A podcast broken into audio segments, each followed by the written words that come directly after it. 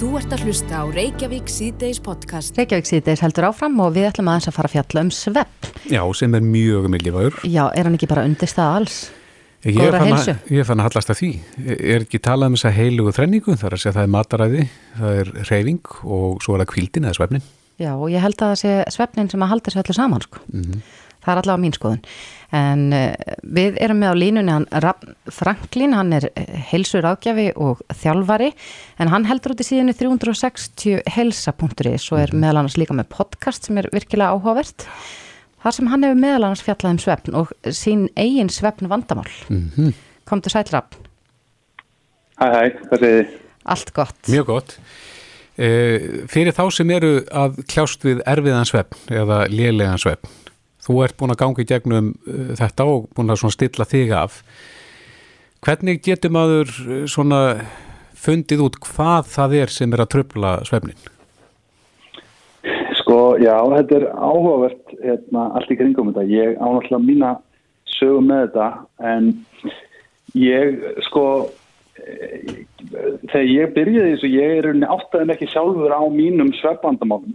Það var eiginlega ekki fyrir að mér var eiginlega bara skipað að fara í svefnrannsókn út af því að fólk var að fara að kvart í kringum mig yfir bara bæði hrótum og, og fólk held bara að ég væri að, að láta lífið í svefni.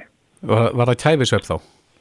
Já, þá kom í ljós að, að ég var með kærisöfn og, og svo náttúrulega mikla rótur sem að voru ekki að hafa góð orðið á söfnum minn. Og, og þetta, þetta sett alltaf stað svona ákveðna vegferð sem að ég er búin að vera í núna síðustu árum að bara kafa onni hvernig ég get hámarkað söfgæðin mín og, og hef fundið gríðalega mun á því að ég rauninni gera allt því ég ger í dag til að, til að bæta söfnum. Farna þess yfir það með okkur vegna þess að það er fólk í þessum spórum. Hva, hvað er hægt að gera til þess að bæta gæði svefsins? Það er, það er náttúrulega að taka þetta út frá mörgum vinklum sko og það er alltaf þessi undirstöðu atriði sem að svona er kannski leðilegast að heyra en skipta miklu máli. Það er hérna rútínan og það er að til dæmis e, borða hollari mat, minka sigur og svo framvegis. En svo tók ég svona, ég hef farið nokkar óhefðunar leiðir sem að hafa svona hérna, já, verið misvinsalar hjá fólki en það er til dæmis það að ég teipa á mig munnin á, á hverju kvöldi. Te hvað séru, teipar þið á þið munnin? Já, teipa fyrir munnin á hverju kvöldi Já. og þetta, þetta ger ég til að tryggja það að ég andi með nefunu og þetta eru svona frekar ný fræði sem eru nú samt að koma svona meira på yfirborðið og uh, markmiðið þarna er eins og segja anda með nefunu og þar að leiðandi verður meiri súrefnisupptaka til heilans og líffæra og, og þetta mun verða til þess að þú ferðir unni betri næðusöfn. En þá er eins gott að kljást ekki við mikið kvef og Já, nefstýplar. það er, það er svona algengasta sem maður heyrir en, en það er einhvern veginn magnað að þegar þú þvinga líkamann til að anda með nefinu með því að eins og teipa fyrir hann að uh, þá í rauninni bara í flestum tilfellum losnar um stípluna. Það er alveg magnað að fylgjast með en, en ég segi ég, hérna, ég segi fólki alveg að sko taka þetta með fyrirvara og ef, að, ef að það er með einhvers konar hilsufarsvandamál eða svefnvandamál að spurja læknin fyrst áður en það stekkur í einhver svona mál sko en, en þetta hefur virkað gríðarlega vel fyrir mig og eitthvað sem ég hef gert síðastliðin núna örgulega verða þrjú ár á hverju kvöldi. Hvernig var það, sko, í fyrsta skiptist þegar þú teipaði munnin? Hva, hvað, hvað gerðist þá? Um, ég, ég las þetta sko, ég las þetta fyrst í bók sem að heitir The 8 Hour Sleep Paradox og mér fannst þetta alveg massaförulegt en ég ákvað bara að kýla á þetta. Og fyrstu örgulega þrjára fjóra næturnar að þá í rauninni bara vaknaði meðan nótt eða svona hálf vaknaði og bara kifti teipun af og hjálpa frá að sofa. En síðan eftir nokkra daga þá byrjaði ég að vennast þessu og svo öruglega svona tvær, þrjár vikur og þá byrjaði ég að finna mun, virkilega mun á bara hversu miklu skýrar ég var í hugsun, hversu jafn, mikið, jafnari orkan var yfir daginn og ég hafði betri fókus og allt þetta sem að fylgir því í rauninni að fá alvöru gæða svepp. En þetta er nú ekki að eina sem þú gerir í þinni svefnrútínu. Ég hljóma eins og, eins og mikill aðdáðandi og ég veit allt um þig, en, en hvað er það fleira sem að, hefur bætt þín svefngæði? Eh, Þetta er sko hérna náttúrulega eitt kannski stærsti faktorinn og þetta er eitthvað sem ég hef verið að vinna svolítið í með tannlækninum Hrönn Róbersdóttir hún er mikið í þessum fræðum og, og hefur að gera frábæra hluti og hún líka smíðaði fyrir mig svona sérstaklega hrótugóm sem að hérna, gerir mikið fyrir mig og það er pælingi líka að opna undunavegin og, og hérna, hjálpa mér að anda betur. Hvernig virkar hrótugómurinn?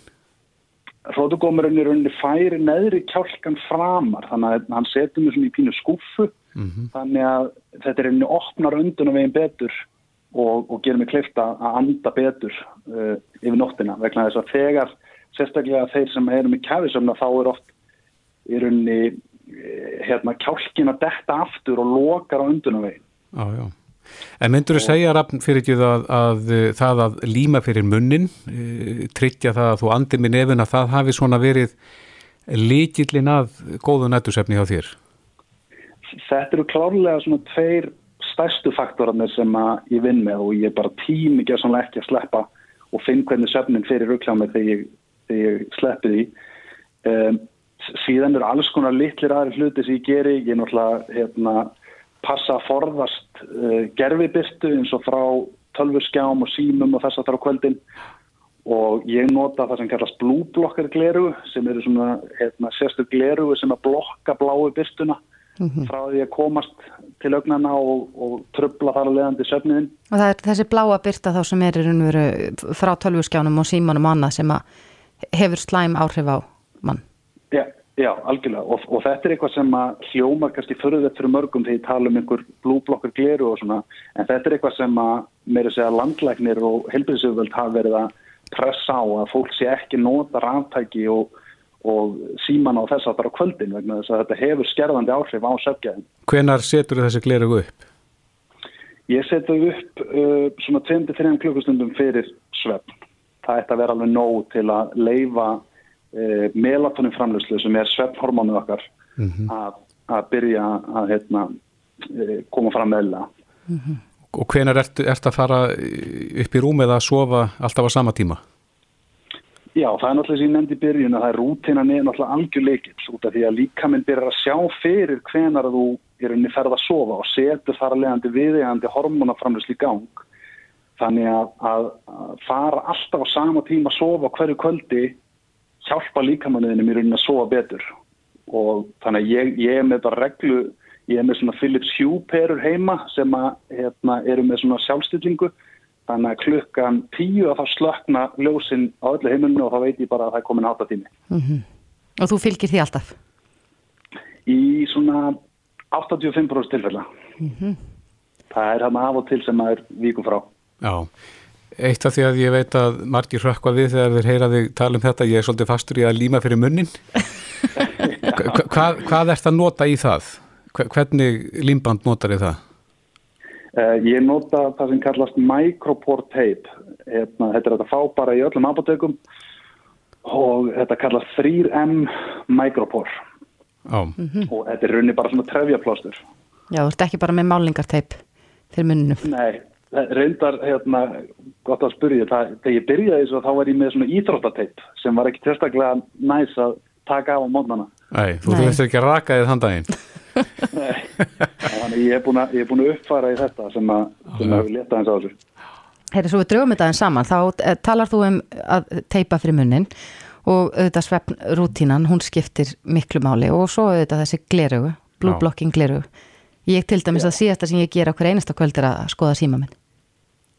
Já, það, en hérna, þá sem ég segi, sko, það, það er einfaldast fyrst mér að vera bara með glerugun þegar þá tast ekki að spá í neinu, en aðri kostir eru náttúrulega aðeins og bara slökka loftljósinn og kveikja frekar og kertum eh, og síðan eru til upp og forrið sem er að setja í tölvuna á síman mm -hmm. sem að tekur út bláaljósið, en þetta er alveg reysafaktor sem ég myndi hérna, ekki gera lítið úr upp á sökjaðin. En eins og til dæmis fyrir þá sem eru með iPhone eða, eða Samsung eða hvaða síma sem er, þá er hægt að stilla á einhverja svona kvöld stillingu.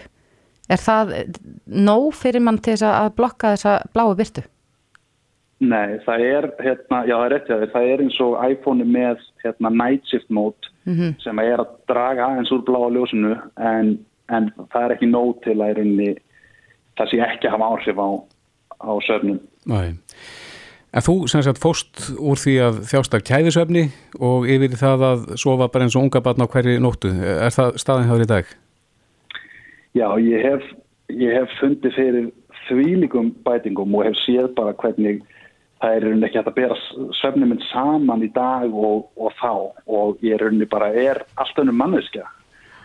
En síðan er ég líka með hérna svona ring sem er skilt að þú sett búin að fjárfesti líka, svona óraring. Og þetta er svona sem á að já, sem á að mónitora svefnin og maður þarf að sjálfsögða að taka sem er fyrirvæð þetta er ekkert kannski hár nákvæmt en ég hef séð að ég hef næstu í rúmlega tvöfald af djúpsöfnum minn eh, á nokkur mánuðum eftir ég byrjaði að innlega alla þessar hluti mm -hmm. þannig ég bæði séða á bladi og ég finna hjá Solomir að þessi hlutir er að gera gríðala mikla hluti. Mm -hmm. Já þetta er virkilega áhugavert. Eh, Rafn Franklin, hilsur ágjafi og þjálfari, kæra þakki fyrir þetta. Takk sem leðis. Þú ert að hlusta á Reykjavík C-Days podcast. Reykjavík C-Days heldur áfram og það er stór dagur í dag en frú Vigdís Fimboðdóttir, fyrirvæmdi fórseti, hún er nýrað í dag. Já, stór amali og þetta er ansið merkileg kona, svona þegar við spólum aftur og, og einhvern veginn finnst maður nú verða merkilegur eftir því sem árin líða. Já, hún er algjör brautriðandi auðvitað og mikil fyrirmynd, ég held bara allavega allra hvenna sem er í minni kynnslóð og fyrir og eftir mm -hmm. Deila, ég get farið með það Einmitt. Á línunni er Ingi Björg Solrún Gísladóttir eh, sem er fórstjóri líðræðis og mannettindaskreifstofu ÖSI og náttúrulega fyrirvirandi formað samfélgingarinnar auðnaríkisáþara og, og borgarstjóri. Þannig við höldum því til haga. Eh, sem að náttúrulega fyldist með því þegar að tjörinn fyrsti hérna kvennfósetti mm -hmm. e, Sæl Ingi Björg. Já, sælvistu og sælverði bæðið Ég veit ég segja bara til hafmyggi með daginn? Jú, endilega. Já. þetta er, er hafmyggi dagur og mikil gleði að geta fagnaði samæli með mm -hmm. Ég man eftir því að svona alast upp við það að, að Vigdís var fyrsti kvennfórsetin afsakið en þú varst nú já sjálf í pólitík og, og í þessari kvennréttinda barand á, á þessum tíma. Hvernig var það þegar hún var kjörinn? Uh, sko, það, það vildi þannig til að ég var uh, í Kveikmannahöfn uh, árið sem að Vigdís var kjörinn, var í, í námi Kveikmannahöfn, þannig ég var ekki hér á Íslandi að fylgjast með barátunni. En þetta var auðvitað alveg gríðarlega mikilvægt skref fyrir kvennabarátuna Uh, og uh, það sem að, en þetta maður verður að skoða þetta svolítið í samhengi. Mm -hmm. því að maður getur sagt að kannski hefði Vigdís aldrei verið kjörlinn ef að kvennafrítarinn hefði ekki verið haldið 1975 mm -hmm. því það blésu þetta konum uh, svona kjarki brjóst. Svo stýgur hún fram og sínir þennan mikla kjark. Og það, það er íla sko ótrúlega mikil kjarkur sem hún sínir með því að gera þetta. Mm -hmm og ég er ekki vissum að allir í dag átti sig á því. Það er lífið 40 ára og mikið hefur gerst. En Þetta er svona en, eitt skrefið í, í þessari hvenna baráttu gegnum tíðina? Já, þetta er það. Og hún stýgur þetta fram og hún stýgur út á völlin og hún er einn þó hún hafi fullt af stuðnisfólki mm -hmm. þá þegar til á að taka er hún þetta einn í þessu og, það þarf, þarf ansi mikið til að gera þetta og það er það sem að sko, við verðum að virða og muna og, og hrósenni fyrir það er þessi miklu kjarkur uh mhm. -huh. og fyrst að hún gerði þetta og steg svona fram þá hugsaðum við hinnar ef hún fóri þá lítið ég að fóra uh mhm. -huh. fyrst að hún gæti gert þetta þá hljóttum við að geta gert þetta Þannig að hún, þetta var alveg gríðarlega mikilvægt fyrir alla kvennabaróttinu og svo komum við á eftir með kvennaframbóðu og kvennalista mm -hmm. og við hefum aldrei komið fram og hún hefði ekki gert þetta. Nei, þannig að hún svona ítti ykkur að stað. Það sjálfsögðu, það var alveg, hún var alveg gríðarlega mikil fyrirmynd hvað það varðar. Já, en hvað áhrif heldur Ingeborg að kjör hennar hefði haft svona út af við? Hún hefði áhrif á ykkur hérna heima en, en eh, hafði þetta eitthvað að segja svona út í henni stóra heimi? Já, þetta hafði, það, þetta náði náttúrulega út í alltaf heimspressuna og, og allir vissi það sem að Arnabor voru að fylgjast með í, í stjórnmálum að nú hafði fyrsta konan verið kjörinn í líðaðisleiri kostningu mm -hmm. og þannig að, að hún varð fyrirmynd víðar heldur en bara hér og ég er alveg vissin um það að Mary Robinson á Írlandi hefði ekki búið sér fram ef að Vigdís ekki eru búin að uh, gera þetta. Mm -hmm. Þannig að áhrif Vigdísar voru við það. Já, já, já, já, alveg tímanalöst og, uh, og, og svona, svona vindur þetta upp á sig og það leifir eitt af öðru og það er það sem er svo mikilvægt að hafa í huga því að auðvitað ef að Vigdís hefði bara búið sér fram og síðan hefði ekkert gert eftir það þá hefði þetta uh, ekki verið svo skriða sem fór á stað. Mm -hmm. Já, ég fæ nú eða bara gæsa þú við, við að tala um þetta en líka merkeld að hún hefur sagt í uh, viðtölum og gerði það eftir að hún var líka bara að sína fram á að kona ætti alveg eins erindi í fórsetaframbóð, ekki síður en Karl. Nákvæmlega og það sem þetta er líka mikilvægt að við huga og það er að hún er einstað móður og uh, það held ég hafi líka vakið óskaplega miklu aftikli erlendis. Það má kannski segja að Ísland hafa alltaf verið meira umburðalindi einstæðum maðurum heldur en víðaskvar erlendis mm -hmm. en samt var þetta þetta uh, gríðarlega mikil breyting af þessari ímynd mm -hmm. sem var við lífi en það hvernig fórustu fólk eftir að líti út. Já, en hvað myndur þú segja hafið svona einkjent uh, fórsetta tíð Vigdísar? Hvert var hennar aðalsmerki?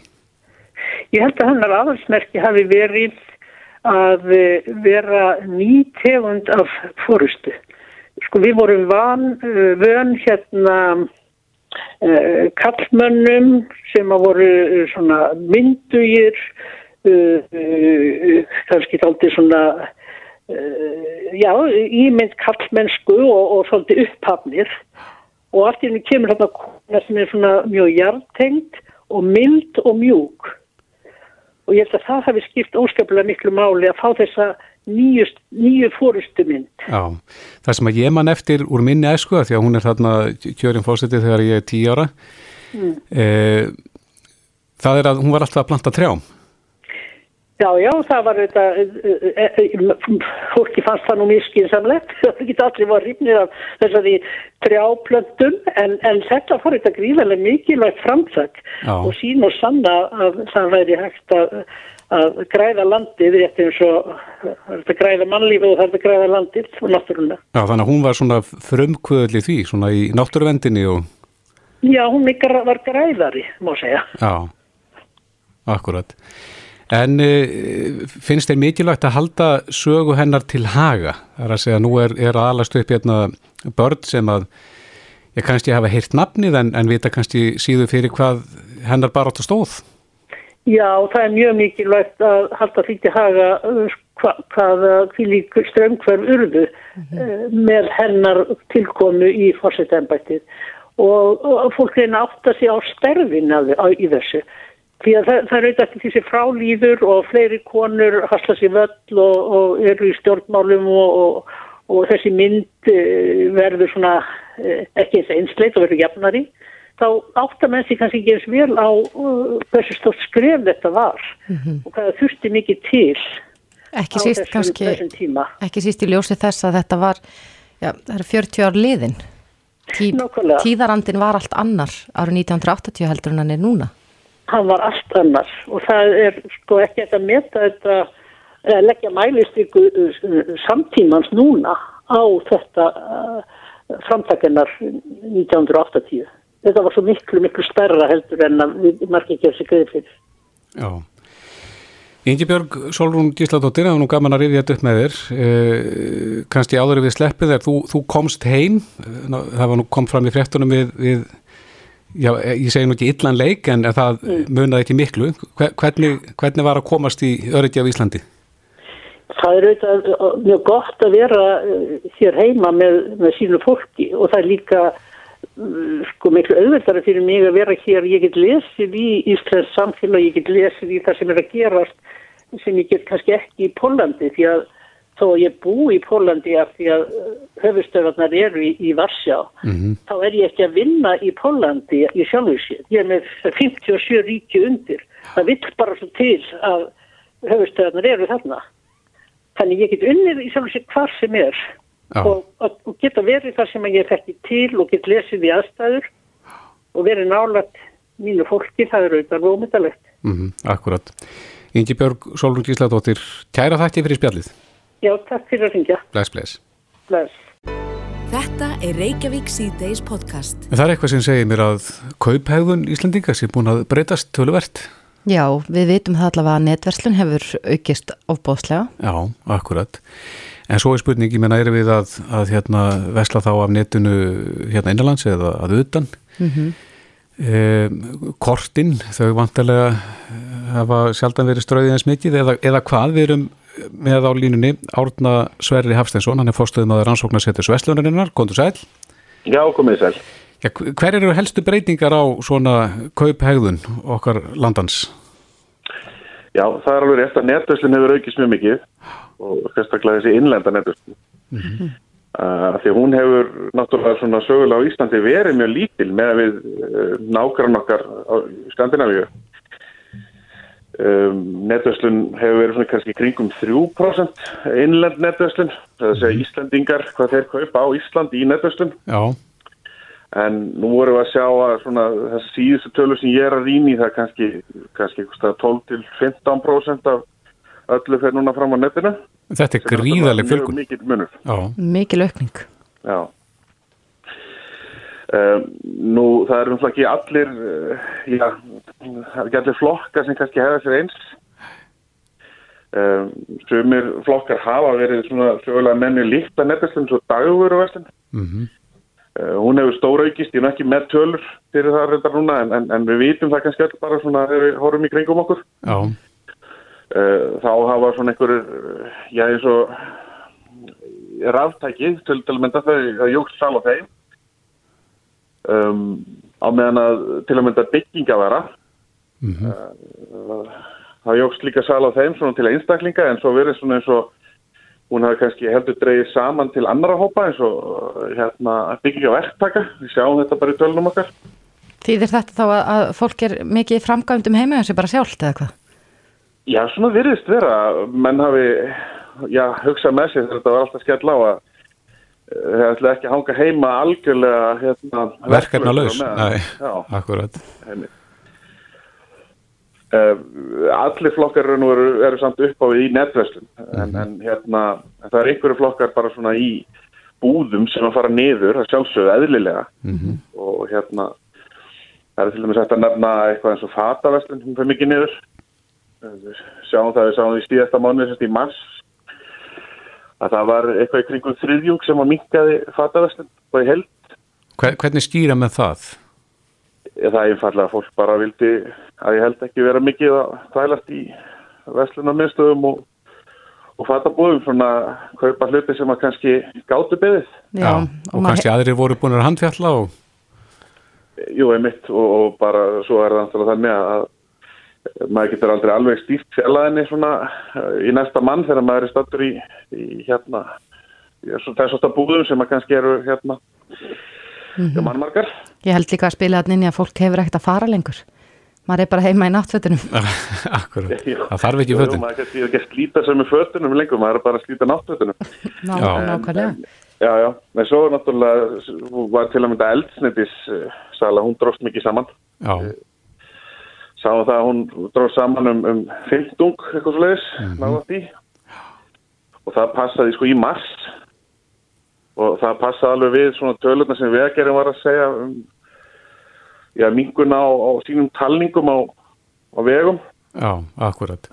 Þannig svo sáum við það, við, við erum svona ekki alveg búin að rýna tölur alveg núna eins og í, í byrjun april fyrir, fyrir þetta, en, en við vissum það ef þetta fylgdi sömu tölum og vegerum var með þá var það alveg helming samdráttur eða alltaf því, svona frá 40 til, já, pluss samdráttur. Mm -hmm. En svo fengum við líka fréttir af því að einhverja vestlanir voru hættir að taka við reyðufíja, það er að segja, vildu fá allt sem er rafrænt. E, Serð þú það eitthvað í þínum tölum? Hvað, hvað nótkun á reyðufíja og klingi hefur dreyið saman? Nei, við höfum ekki tölur um, um það, en uh, það, eru, það er alveg trúlegt að margir hafi minka nótkun reyðufjár og ekki fyrir eitthvað nótkun á já, bæði sérstaklega náttúrulega snertilegsum leðum en, en, en allavega rafrannum leðum. Já, akkurat.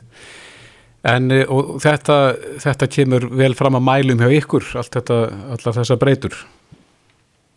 Já, já, ég, við sjáum svona að þessa breytingar koma, þetta eru það eru sjaldan jafn augljóst hvað verða mikla breytingar eins og, eins og er að verða núna. Mm -hmm.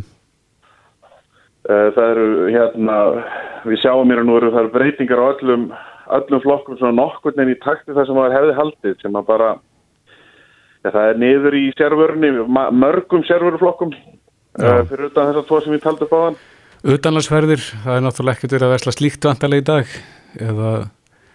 Já, það er bara þannig að ég gíkt ekki eins og á það sko, ég held að það sé ekki sko. Nei, akkurat. En, já, menn halda þessir höndum er ekkert að, já, og, ég hef vel að fólk sé ekkert að plana neitt þá fram í tíman, kaupa ferðir síðar að þessu ári. Já, þetta er bara góð, góðu punktur og verið gaman að skoða, en, en ég hef mikið alveg, alveg tölunar yfir þetta. Nei, akkurat. En við hins vegar fylgjumst kannski með því og, og við höfum náttúrulega líka erlenda kortavöldu til að fylgjast með ef að, ef að uh, ferðalangar eða utan fara að kaupa á netinu mm -hmm. þá vonandi sjáum við það tímanlega. Já, en, en það er kannski, kannski heldur snett að fara að, að dempa sér það núna því að það er náttúrulega líkur að þetta varir það lengi að eh, já svona það, maður myndi ekkert fara að sjá neina sérstaklega byrti því alveg strax. Nei, það er mikil óvís en þá Já, Já akkurat.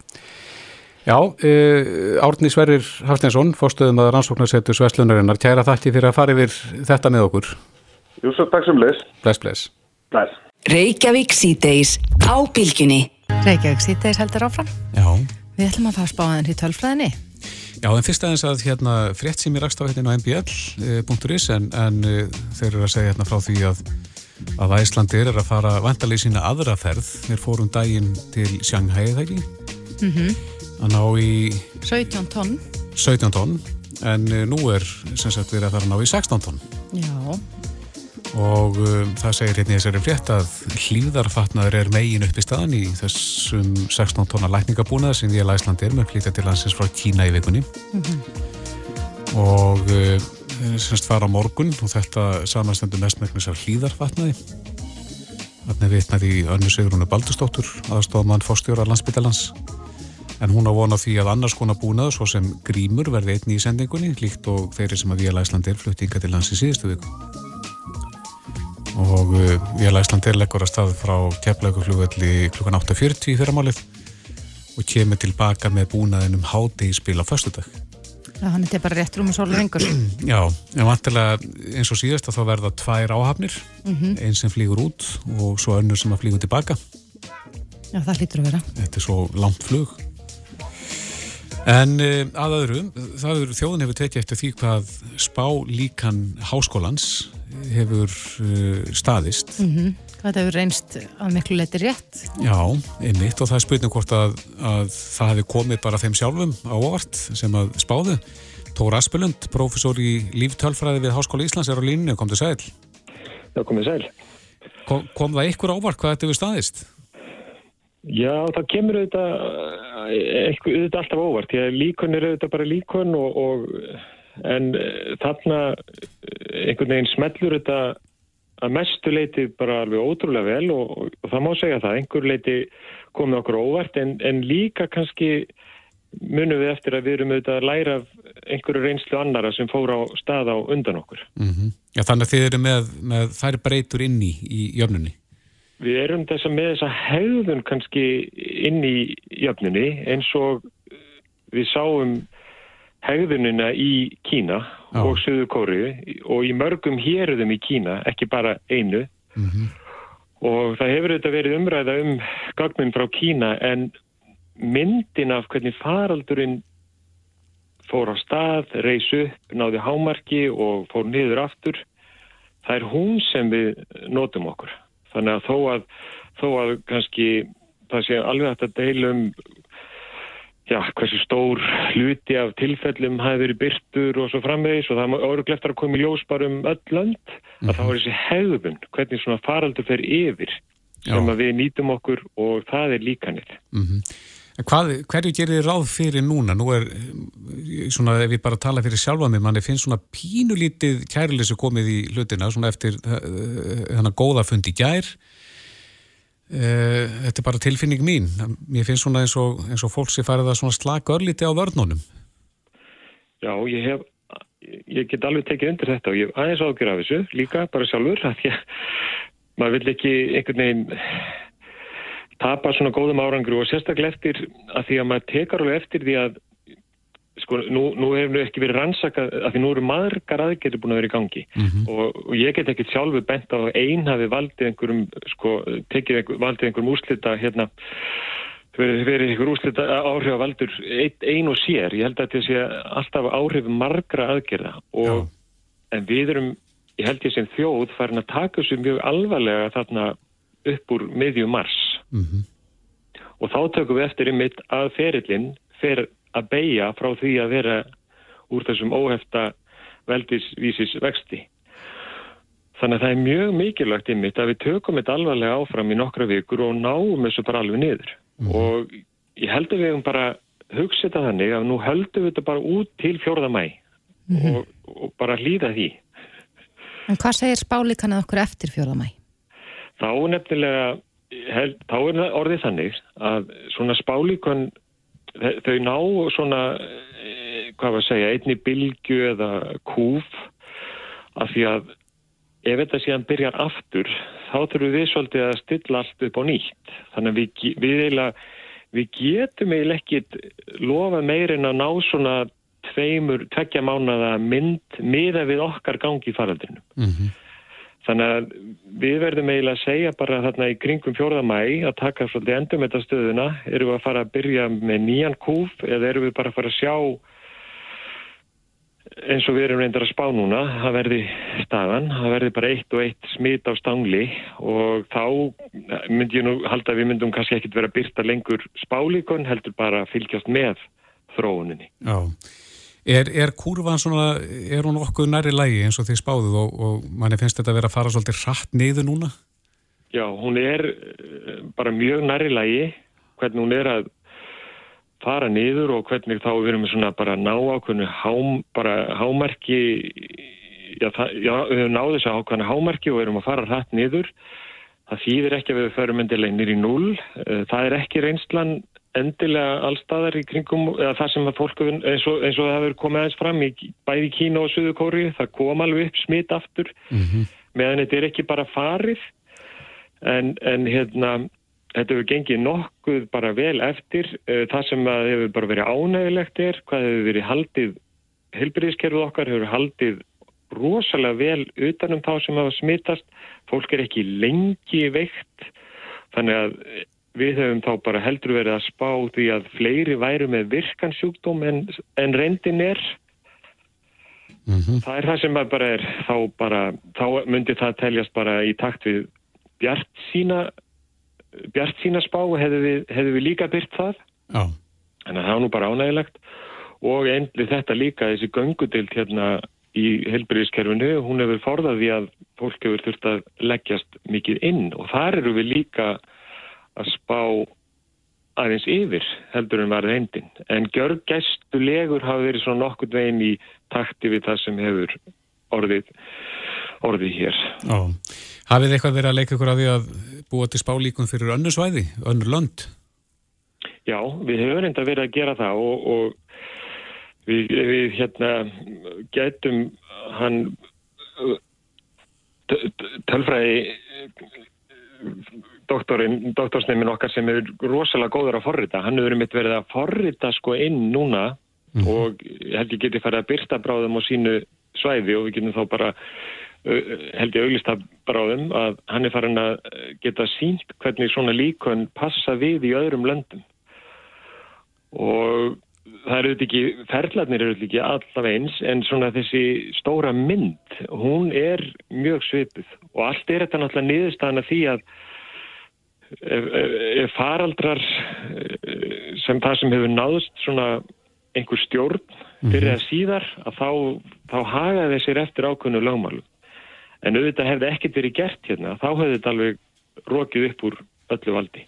Já. Og þá hefði þetta ekkert getað sínt svona líkan, því þá hefði þetta bara, ég veit ekki hvað er þetta enda þá. Mm -hmm.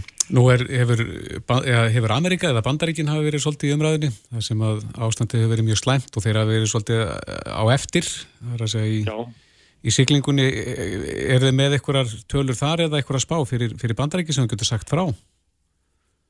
Ég, ég er með bara í svona grófa hugmyndum að það er ekkert frá því að þeir hafi náð einhverjum tökum á þessu og síðan fara að nálgast einhver topp sko. Ég, ég get alveg held að það sé alveg óhætt að segja það en við erum aðeins að velta fyrir okkur hver niðurleiðin verður hjá þeim. Ég myndi ekki alveg þóra að spá um það alveg strax. Nei, akkurat. En, en stílabóðin þín til fólks er að halda út til fjórða. Já. Lætti ekki niður varnirnar. Alveg tímalöst. Þegar maður sér það alveg þarna í gögnunum bara eftir miðjan mars, ég held að þá er ég að lefa mér að fullir að fólk hafi kveikt á perunni að nú þýrst að taka þetta alvarlega mm -hmm. og, og síðan koma aðgerir hverjafætur annari og þá sjáum við alveg við beigjum niður þannig að þá næst algjör stjórn á þessu og svo má ekki missa hana núna þá meðan við erum að klára þetta. Þannig að það er að halda út fjórðamæði, þetta er ekki neitt, þetta er einhverja þrjár vikur. Já, tökum undir það, Tór Aspelund professor í líftölfræði við Háskóla Íslands, kæra þakki fyrir þetta. Takk fyrir á Bilginni podcast Í þessum faraldri sem nú geysar þá hefur mikið verið rætt um já, svona andlega helsu mm -hmm. og þetta getur verið erfiðir tímar fyrir mjög marga Já, margi sem er einangrast líka kannski á þessum tíma mm -hmm. Það er hægt á því já. og við erum nú af því að Pieta samtökinn tók á móti mjög mikið af símtölum yfir páskana mm -hmm. Það er þá vantar að fólk sem að er í sjálfsvíks hugleðingum eða hættu Akkurat En á línunni er Kristín Ólafstóttir, framkvæmdastjóri Pieta samtakana. Komdu sæl? Já, komið sæl. Já, þetta er áhættu tími eins og Þórtís nefnir. Það eru, það eru margi sem að eiga til að einangrast og svona hverfa kannski inn í eitthvað stjél. Já, það er það vissulega, en þetta náttúrulega fyrir misjaflega í fólk. Mm -hmm. Hvað þarna... Nú vorum við að veltaði fyrir okkur ef að við eða ef að aðstandendur hafa áhyggjur af sínu fólki sem að hafa glimt við einhver andleg veikindi. Er eitthvað sem að við getum gert? Já, við verðum náttúrulega samt að byrja á því að uh, taka það fram að fólk sem að langar ekki til að lifa, það þarf ekki endilega að vera glíma við andleg veikindi. Nei. Þannig að uh, þetta er eitthvað sem getur komið fyrir alla. Mm -hmm. En er eitthvað sérstökum merki, svona sem að er eitthvað sammert með þeim sem að vil ekki lifa lengur, sem að hægt er að, að meta eða, eða nema? Já, þú veist, það eru náttúrulega þekktir áhættu þættir eins og voru að tala um andlega veikindi, þú veist, mm -hmm. til dæmis geðkvörðunglindi, geðklofi, þú veit hvað maður nefna, uh, vímöfnavandi, uh, breyting og félagsleiri stöðu mm -hmm. uh, hefur sínt að hefur mikil áhrif. Hver, hvernig þá? Fyrir ekki, getur nefnt okkur dæmi um það, þessa breytingu? Uh, það, það getur verið áhættu þáttur. Uh, fólk getur dóttið mjög langt niður til dæmis uh, við, ef það missir eitthvað. Mm -hmm. þegar heilsunni fyrir raka, jafnvel atvinnumissir. Þannig að þetta er eitthvað sem við þurfum öll að vera vakandi fyrir hjá hvert öru. Mm -hmm. Þannig að þetta ástand sem að ríkir núna þar sem margir eru akkur þessi félagslega staða fólks er að breytast mm -hmm. varandi atvinnu og annað slikt þannig að þetta getur verið ítt undir þetta. Já. Og alls konar áföll. Þú verður að skoða fjölskyldustögu um, það er sektur áhætti þáttur að það er fjölskyldusagum sjálfsvið til dæmis. Mm -hmm. og svo náttúrulega að skoða hvort að við komum til hafi reynda áður.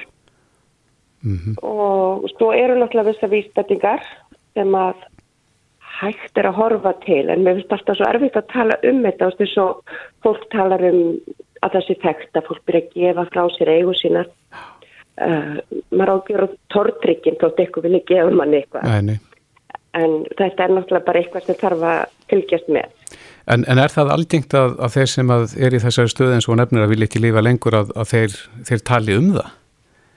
Eða er algengt að þetta fólk haldi þessu bara fyrir sjálfsík? Það er bara allur gangur á því til miður mm -hmm. uh, við náttúrulega sem betur fyrir en að gæsnalappa erum að sjá það í auknum mæli að fólk er að kjósa tala um þetta mm -hmm. við vonum til dæmis erum komin upp í svona cirka 200 viðtölu á mánuði hjá okkur Er það aukning mikil? Já, en Þú sér, við erum bara tveggjára starfsemi sko, við Já. vorum með, í apríli fyrra voru 64 við törl mm -hmm. og nú erum við komin upp í 180 eitthvað, það sem af er apríl sko. Mm -hmm. Og tengi þið það svona beint við þetta ástand sem að ríkir núna? Nei, þetta er öðruvísi vandi okkar, okkar tími er alltaf en þetta er allt öðruvísi og þetta er náttúrulega aðri hluti sem við erum að horfa á mm -hmm. þetta er mikla einangrun og ræðslega aukinn kvíði ef að fólk er með kvíða til dæmis undirlikjandi og einmislegt annað mm -hmm. þá getur það alls konar breytið En ef að, ef að aðstandendur finna fyrir, já, kannski au, aukinni depurði eða, eða að, að við komandi hafi einangra sig einhverju leiti, er, hverju mæli þið með að, að maður geri? Já, eða geri ekki? Það, já, það verður náttúrulega að hafa það í huga að ef baklandi er veikt, þá er miklu meiri hægt á ferðum. Mm -hmm. Og eins og er búið að predika hérna, þá er misnökkun á áfengi og výmöfnum eða aukning og annar nýstlu er mjög hættilegt og það er bara áhættu höfum. Mm -hmm. uh, ef að fólk byrjar að tala um eða vilja ekki lifa en líka annars það þarf að vera meðvitaður um svo svona orðin sem koma þú veist, þegar fólk byrjar að tala um sjálfsteg sem einski spyrfi að vera bara fyrir og allt þetta. Mm -hmm. uh, breytingar á líðan einstaklings uh, eru náttúrulega misjafnar en það eru nokkra sem að verðast vera blokkasnöndur samlefnara. Það er þar yfirstyrmandi hugstanir um sjálfsvík. Þannig að líku við fátt annað kemst að. Já. Og svona vist vonleysi. Mm -hmm.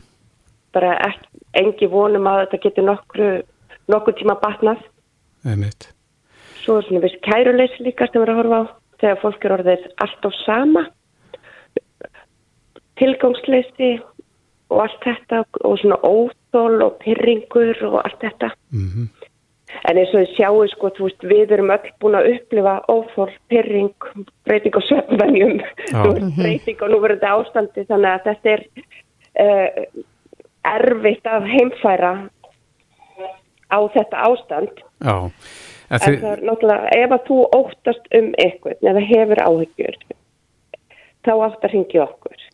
Já, það er ekki bara fólk sem er í þessum hugleðingu sem hefur samband við ykkur, það eru aðstandendur. Já, við erum með aðstandenda hópa fyrir þá sem hafa mist. Svo er sér að Bjarni Karlsson með mjög skemmtilegan hóp eða góðan hóp uh, sem heita Feður Bræður Steinir Vinir og er fyrir Karlmenn. Mm -hmm. Það er um sfundur á morgun klukkan hálf fimm og uh, þetta er svona stunisópur fyrir Karlmenn sem sagt. Mm -hmm og svo bjóðum við náttúrulega upp á við töl hjá fagaðilum. Já, en er það þín eh, svona reynslað að þeir sem eru komnir í þessi spór að vilja ekki lifa lengur, er þeir að bera sér eftir aðstóð? Það er að segja, er, er þeir komnir of langt í þessum hugsunum sínum? Sko, hvað er of langt? Já, til dæmis að vera búin að taka ákvörðun eða? Já, það er. Mhm. Mm og sem betur fyrir starfa hjá okkur hópur einstakra fagmanna. Við erum með geðhugrafræðinga, stálfræðinga, félagsákjafa mm -hmm. og þetta fólk vinnur saman að því að finna löst fyrir viðkomandi aðala. Mm -hmm. En núna undanfarið hefur maður nú líklegt allir orðinir varið við aukna umfjöllun og, og umræðu um þessi mál. Telur að það hafi hjálpað ykkar starfsemi að einhver leiti að, að að fólk leiti frekar til ykkar? Við erum náttúrulega einstaklega ánægð með það að fólk veit að við séum til mm -hmm.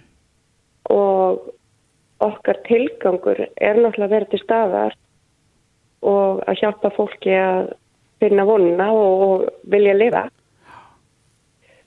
Þannig að eins og ég segi, við erum svo ung og við erum svo ný þannig að það er alltaf bara stöðug aukning oh.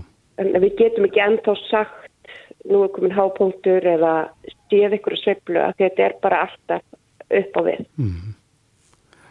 Það er sorglegt að heyra það samt að, að þetta sé stöðugt upp á við Það er mjög sorglegt en það er líka gott að vita það að þetta er staður þar sem getur talað um allt Mm -hmm. Hvert á fólk sem að er kannski að hlusta núna og, og er í þessum spórum annarkort þá með aðstandanda eða, eða sjálft, hvert á að hafa samband? Það má hafa samband við okkur í 552 22 átján Uh, það er hægt að tala við okkur á Facebook, við erum með netbjall á heimastíðun okkar, pieta.is Mhm. og við reynum alltaf að finna eitthvað löst. Já, gott að heyra. Kristín Ólafsdóttir, frangotastjóri Pieta samtakana. Kæra þakki fyrir þetta og gangi ykkur vel. Takk ykkur fyrir að syngja og takk. Þess. Hlustaðu hvena sem er á Reykjavík C-Days podcast. Já, já, það er ljóst. Eh, Þeir sem vilja ferðast, þeir munu vantarlega ferðast innanlands í sumar. Já, það er allavega mælst til þess og Já. verður líklega ekki mikið um flug. Nei, og við e, gerum svona stutt á konnun hjá okkur að litla inn á, á vísi.is og bylgjan.is og okkur sýnist að e, meirlutin allar að ferðast innanlands eitthvað í, í sumar. En það er spurning hvernig fólk allar að ferðast. Allar það að liggja inn á hótelherbyggjum eða allar það að tjálta nú eða hérna, fara í hjólísum eða fellísum. Já, við þess að við fjölskyldan höfum akkurat verið að skoða fellís og fleira á netinu vegna þess að, þetta er auðvitað frábær kostur Já, og búið að gefa út að verði kannski einhverja takmarkanir á tjaldsvæðum líka þannig að þetta verður eh, kannski pínuflókið. er búið að lofa góðu veðri í sumar eða? Já, ég þór ekki eins og að skoða það. Nei, en leitum til sérfræðingarna sem að eru að selja þennan útilegu búnað eins og fellísi og tjaldvagna og, og svoleiðis. E, það eru þau hjá Víkurverkum. E, Íris Angela Jóhannesdóttir, innkupastjóri, er á línu. Komdu sæl. Góðan daginn, sætla blessaður.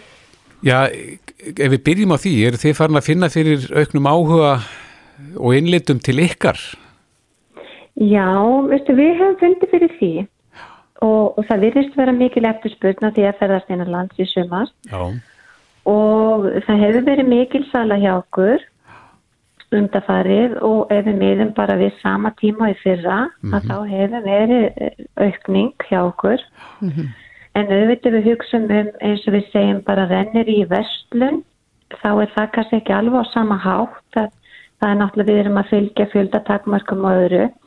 En, en fólk er samt að koma við að vera að panta og það eru náttúrulega margir sem að hafa verið að panta fyrir það og vilja vera tímanlega. Af því að ég eins og séu bara fyrirfram búin að ákvæða það að þau ætla ekki að fara erlendis. Og eru bara að gera ráðstafanir snemma og maður finnur það líka svolítið á þeim sem hafa heimsótt okkur og við höfum sagt hvað bara mættur að kaupa útilega búin að núna? Já ég ætla sko ekki að vera sá sem að kemur og alltaf ári tómt hjá okkur. Þannig að maður finnur það svolítið að fólk er byrjað að, að hugsa til þess að ferðast innanlands plana snemma og vil að því að eh, eins og um júni, júli, ágúst verður mikið að gera hjá okkur í verslun og það er eins og fólk vilja vera svolítið tíman við þessu öllu saman og Hvað er vinsalast hjá ykkur? Þeir eru bæði með sko tjaldvagna, hjólísi og húsbíla og fleira. Hvað er, er fólk mest að sækjast í? Sko, í verslun okkar erum við með mikið úrval af hjólisum og við erum með nokkra típur að borði hobby sem að er bara búið að vera mjög vinsalt hjá okkur í sig í, í, í fleiri ára og eru bara eins og við segjum bara vinslust hjólisum á Íslandi og við sveðurum Európu. Við erum með atriahísir sem eru bara mjög flott hísi líka, dönsk hísi og fenn fullskísi. Þannig að hjólhísin eru mjög vinsal hjá okkur. Við erum með nokkra típur á húsbílum líka og kamplet tjaldvagna, þeir hafa verið líka vinsalir hjá okkur og voru bara eins og ég segi sérstaklega vinsalir fyrra. Það voru mikil eftirspurn eftir tjaldvagnum og það voru að koma flottar uppfærslur á kampletum. Það er náttúrulega líka verið með notavagnu umbúsul. Já, já. Það eru, það eru sumir sem að vilja líka skoða það. En, Og- en Íris, hvað, hvað er, fyrir ekki að ég tröflið, en, en svona, ef við skoðum það allra flottasta, hvað, hvað er, er að finna inn í þessum hjólísum í dag? Sko, er þetta bara eins og nú einbýlishús á hjólum? Ég myndi segja það. Þetta er náttúrulega bara eins og einbjörnus á hjólum. Ég segi stundu bara, bara suma bústæður á hjólum, glæsi hísi. Já. En auðvitað fer þetta eftir vögnum og, og ef að bara fyrir að horfa í hvað fylgir hverjum vagni og verð og annað í nýjum vögnum að þá auðvitað fer þetta svolítið eftir, eftir típunum. Og ef við bara, ég myndi segja kannski að hjólísi væri, gangverið er svona með fjóra og fimm miljónir. Já. Og þá hvað- erum við að horfa Hvað er inn í svoleiðis hjólís? Er, við erum að tala um eldunaraðstöðu eða það ekki? Og setustofa og að rúm og... Jú, jú, jú. Og, og, og svo fyrir þetta eftir sko minni hýsin hvort að fólk er að velja tveggja rúma. Sko svo eru starri fjölskyldu vegna, það eru þá tvæti þrjár kójur, það er eldursaðstað, þú getur náttúrulega eh, lagt neður borkrók, þú getur stækka rými, fleiri, sem sagt verið sama starri fjölskyldur, svo er náttúrulega fórkjöldun okkar, við mm -hmm. ekki gleyma þeim sem hafa verið afavinsar, sem eru uppblásið og, og það, þannig ertu líka bæta við góðu plássi þegar við erum vel á annað. Og það eru sveppkálfa sem þú getur rett við á þá líka og það er það að barnabönni vera að sofa úti. Þannig að það er svona allur gangar á þessu. Sveppkálfar, er það þá svona eins og útihús? Já, ekki alveg en þetta er svona rett á, á sko hérna upplásnu hérna tjöldin þá er það svona bæta við svona svo litlu tjaldi já, já. þannig að þetta er mjög skemmtilegt en Hvað með sturtuaðstu og baðaðstu og slíkt?